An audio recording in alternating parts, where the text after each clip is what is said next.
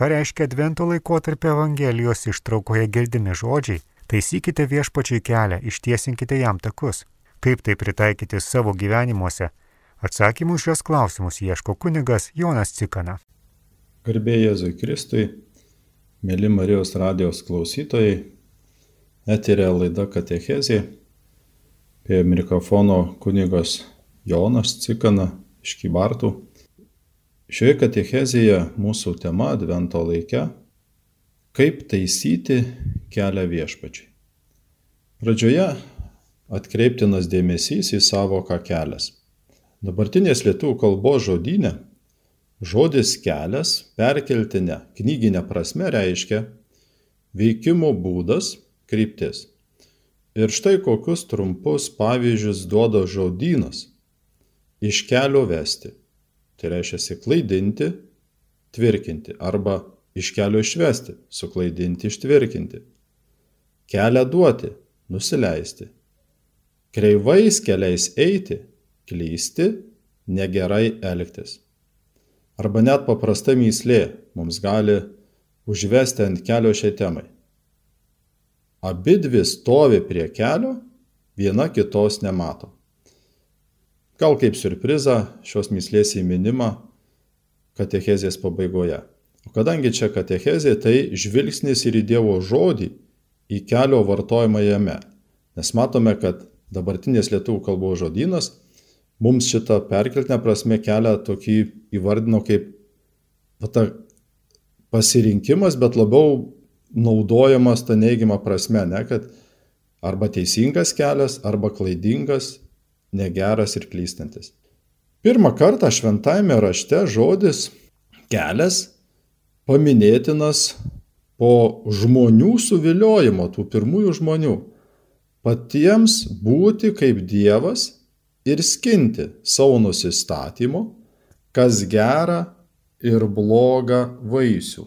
Suviliojimo žinome, kad po to bandymo, tampant atskaitos tašku, Nustatant, kas gera ir bloga, Dievas pastato kliūtį ant kelio link gyvybės medžio. Apie tai randame pradžios knygoje, trečias skyrius 22-24 eilutės. Jos skamba taip. Tuomet viešpats Dievas tarė. Tik pažiūrėk, žmogus tapo kaip vienas iš mūsų, žinantis gerą ir piktą. Kad jis kartais netiestų savo rankos ir nepasiimtų nuo gyvybės medžio, valgytų ir gyventų amžinai. Todėl viešpats Dievas įsiuntė jį iš Edeno sodo dirbti žemės, iš kurios jis buvo paimtas. Išvaręs žmogų, jis pastatė į rytus nuo Edeno sodo kerubus ir liepsna švietuojantį kalaviją, kelio prie gyvybės medžio saugoti.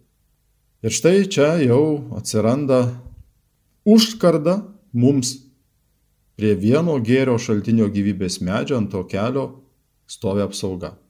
Toliau jau pradžios knygos šeštame skyriuje 12 eilutėje randame parašyta, Dievas matė, kad žemė buvo sugedusi, nes visi marieji buvo sudarkę savo kelių žemėje. Taip išryškėja paties žmogaus pasirinkto kelio suklydimas, klaida, negeras elgesys. Ir tik po apipjaustimo sandoros Abromu, ką randame pradžios knygos 17 skyriuje, žodis kelias tampa pažado ir viešpaties malonės ženklu. Viešpats sako, eik mano keliu ir būk be priekaišto, Aš padarysiu sandorą tarp savęs ir tavęs, ir tavo palikonių po tavęs per kartas, kai amžina sandora būti Dievu tavo ir tavo palikonių po tavęs. Aš duosiu tau ir tavo palikonėms po tavęs kraštą, kuriame gyveni kaip ateivis. Kraštą kaip amžiną nuosavybę. Aš būsiu jų Dievas.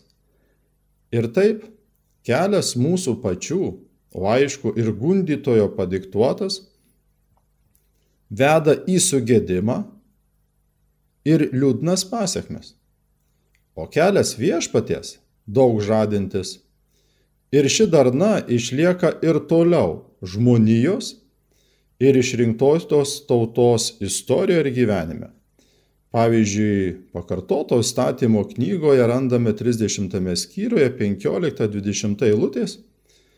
Viešpats siūlo mums rinktis vieną iš dviejų kelių. Štai kaip čia skamba viskas. Štai šiandien padėjau prieš tave gyvenimą ir gerovę, mirtį ir pražūtį.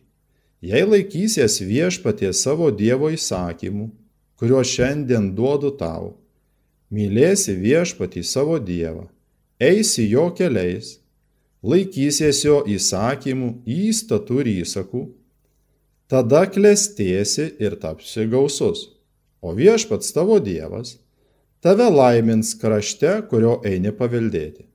Tačiau, jei tavo širdis nusigręš, neklausysi ir būsi išvestas iš kelio, garbinti svetimų dievų ir jiems tarnauti, šiandien tau sakau, kad tikrai žūsite, ilgai neišliksite žemėje, kurios perėdami Jordaną einate paveldėti.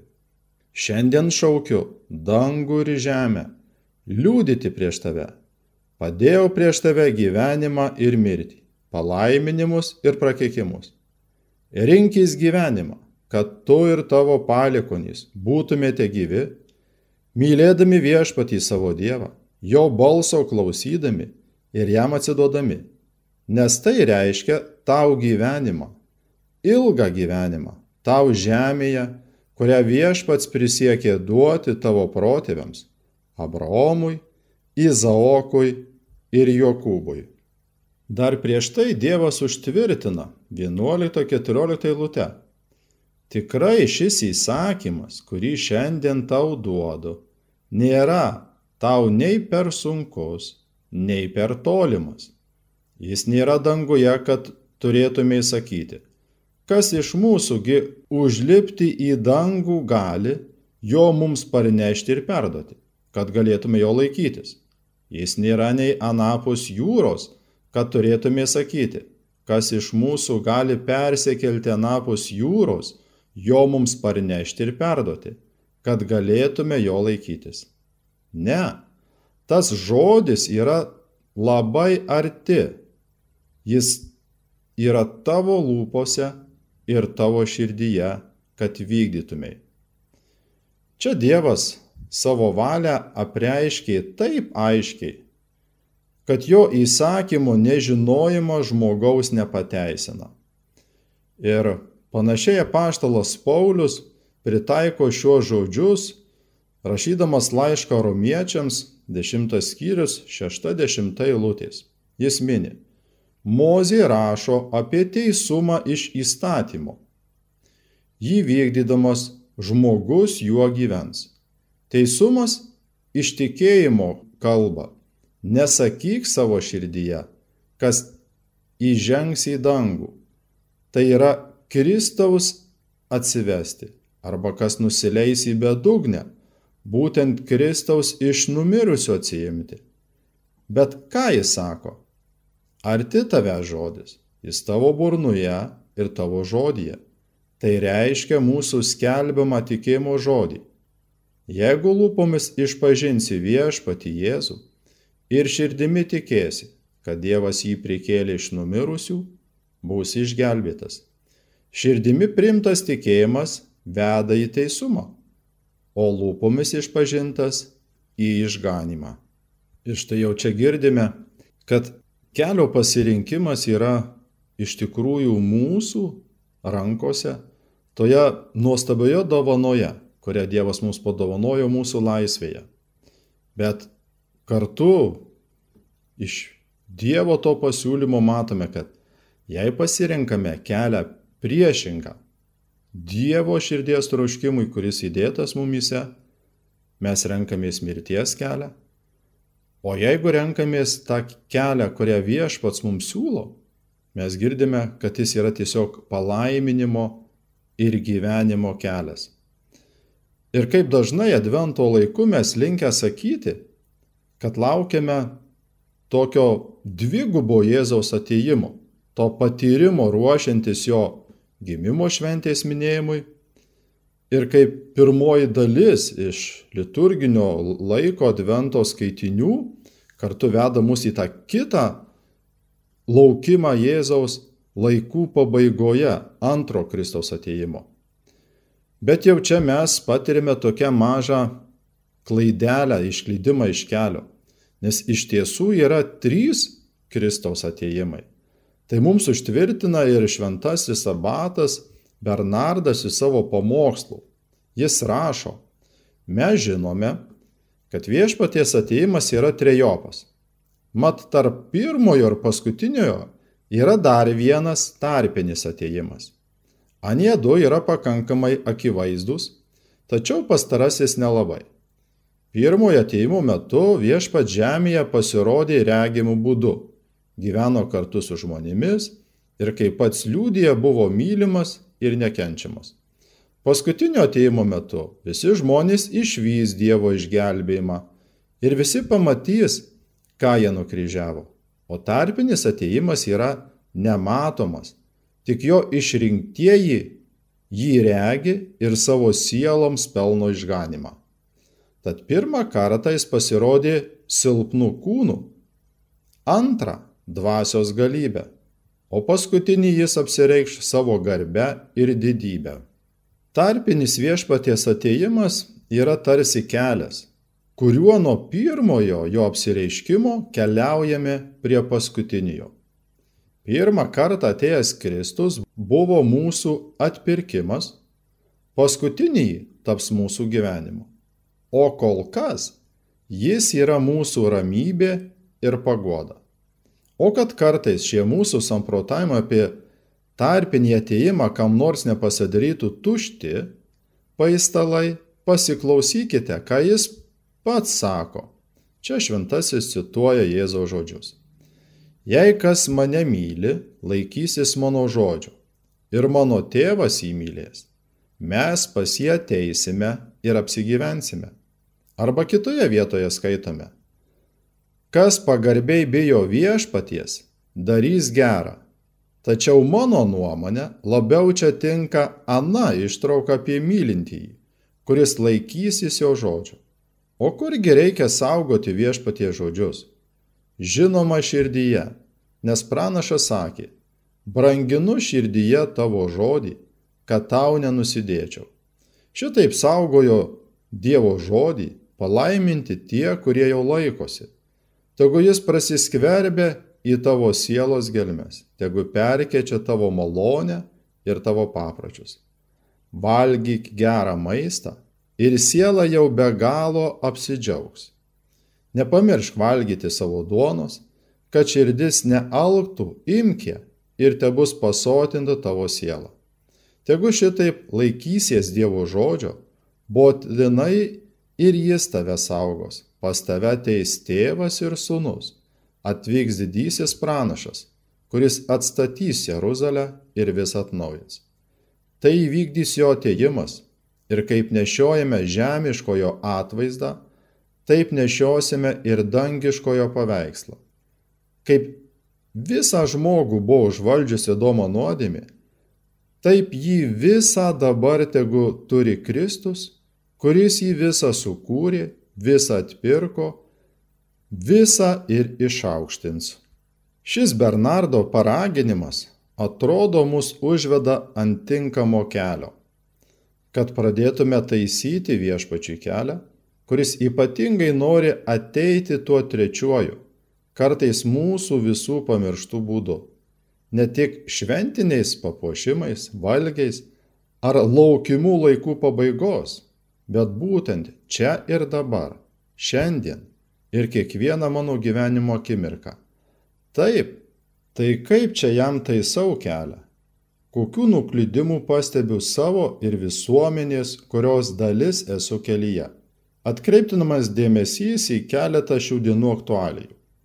Mūsų pačių tikinčiųjų tikėjimo liūdymą, kaip aš jį suprantu, kaip pats gyvenu tikėjimo liūdimu. Pavyzdžiui, Net ir per Marijos radiją kartais tenka girdėti vieną kitą nuklydimą nuo teisingo kelio.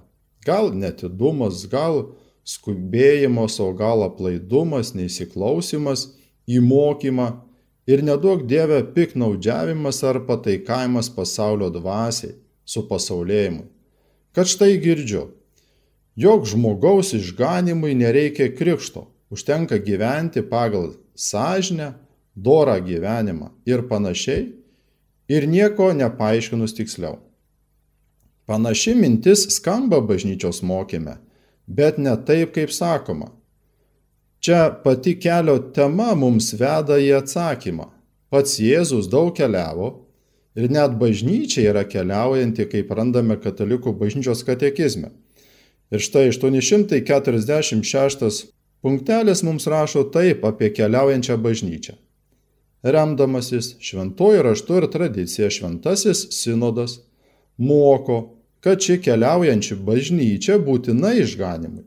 Vienintelis išganimo tarpininkas ir kelias yra Kristus, esą tarp mūsų savo kūne, kuris yra bažnyčia.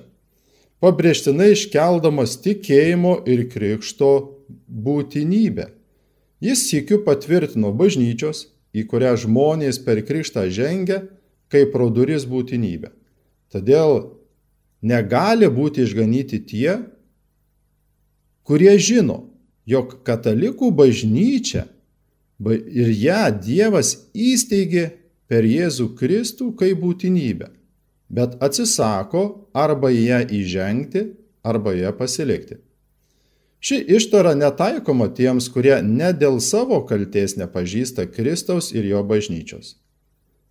Kas ne dėl savo kalties nepažįsta Kristaus Evangelijos ir bažnyčios, bet nuoširdžiai ieško Dievo ir veikiamas malonės tengiasi darbais vykdyti jo valią, kaip diktuoja sąžinės balsas, tas gali pasiekti amžinį išganimą. Ir čia katekizmas užtvirtina, kad nors žmonės be savo kalties nepažįstančius Evangelijos Dievas galėtų jam vienam žinomais keliais atvesti tikėjimą, be kurio negalima jam patikti. Tai nepanaikina bažnyčios prievolės ir drauge šventos teisės skelbti Evangeliją visiems žmonėms. Arba vėl, šiomis dienomis, kiek mums reikia būdėti ir stovėti teisingame kelyje, kaip ir mūsų žiniasklaida pradžioje klaidingai, po to neva pasitaiso, kalbėdama apie protestus Lenkijoje dėl abortų klausimo. O ir mes, ar nepasiduodame mirties kultūrai? Ar turiu aiškę poziciją gyvybės klausimu? Arba vėl, prieš akį Stambulo konvencijos ratifikavimo klausimas. Ar domiuosiu, būdžiu ir pasiruošęs išreikšti savo nuomonę? Pavyzdžiui, šioje konvencijoje ketvirtas straipsnis pagrindinės teisės lygybė ir nediskriminavimas trečiame punkte rašo taip.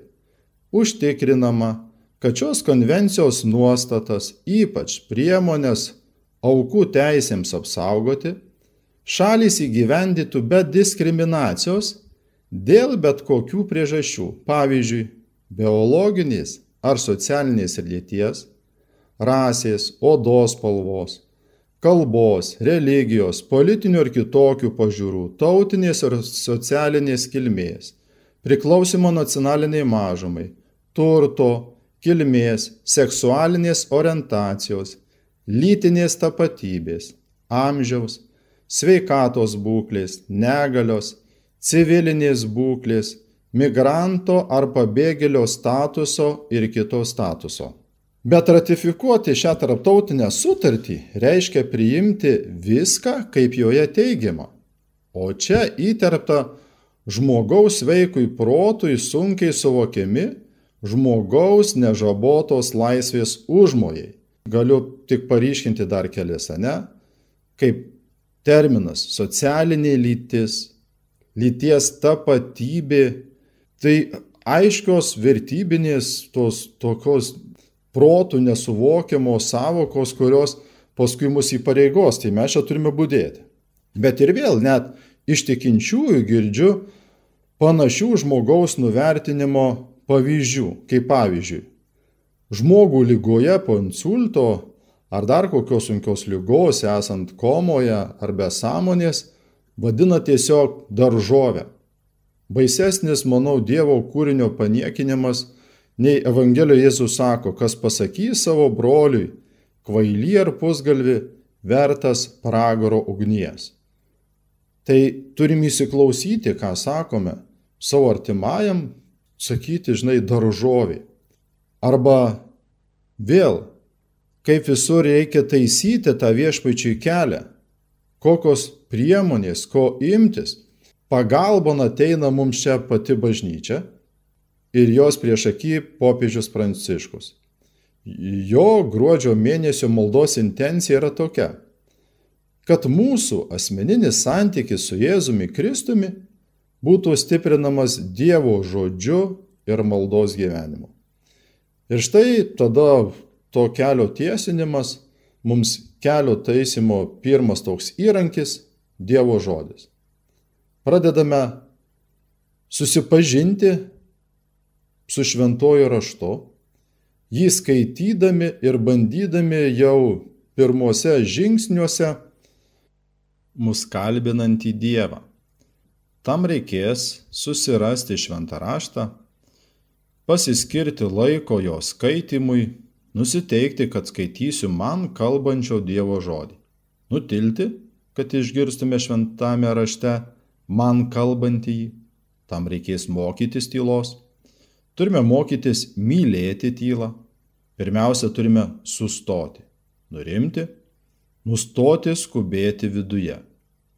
Skirkime vietos susitikimui su Dievu, atraskime viduje tylą, kur galime leistis persmelkimi Dievo balso. Lietai skaitome, tiksliau klausomės skaitydami, žvelgiame į raštą, kad sutiktume asmenį. Nevykdome kažkokios pareigos, nesiekime gauti informacijos ar faktų. Visada, visada daroma tik tam, kad atsigręžtume į Dievą, atrastume vienybę su juo. Kai tik surandame žodį ar frazę, kurie kalba mums asmeniškai, gilinkimės į jį laikykime jį savo širdyje. Įsiminkime, leitai kartodami savo, kad persipintų su mūsų mintimis, troškimais, jausmais, priimkime į save. Suteikime Dievo žodžiui laiko, kad jis galėtų aukti kaip sėkla mumyse. Toliau atskleiskime ir atiduokime jam tai, ką jo žodis sužadino, palėtė mumise. Dievas kviečia mus atverti jam mūsų pačių skausmingiausius ir sunkiausius išgyvenimus, kad jis savo prisilietimu perkeistų mus ir palaimintų. Dar toliau, jau Dievas nori, kad jo žodžio būtų laikomasi ir sako, kas klauso šių mano žodžių ir juos vykdo panašus į išmintingą žmogų. Tad eikime su tuo žodžiu, kurį viešpats mums įdėjo į širdį, per savo dieną ir bandykime įvykdyti kasdien, kas valandą ir visur.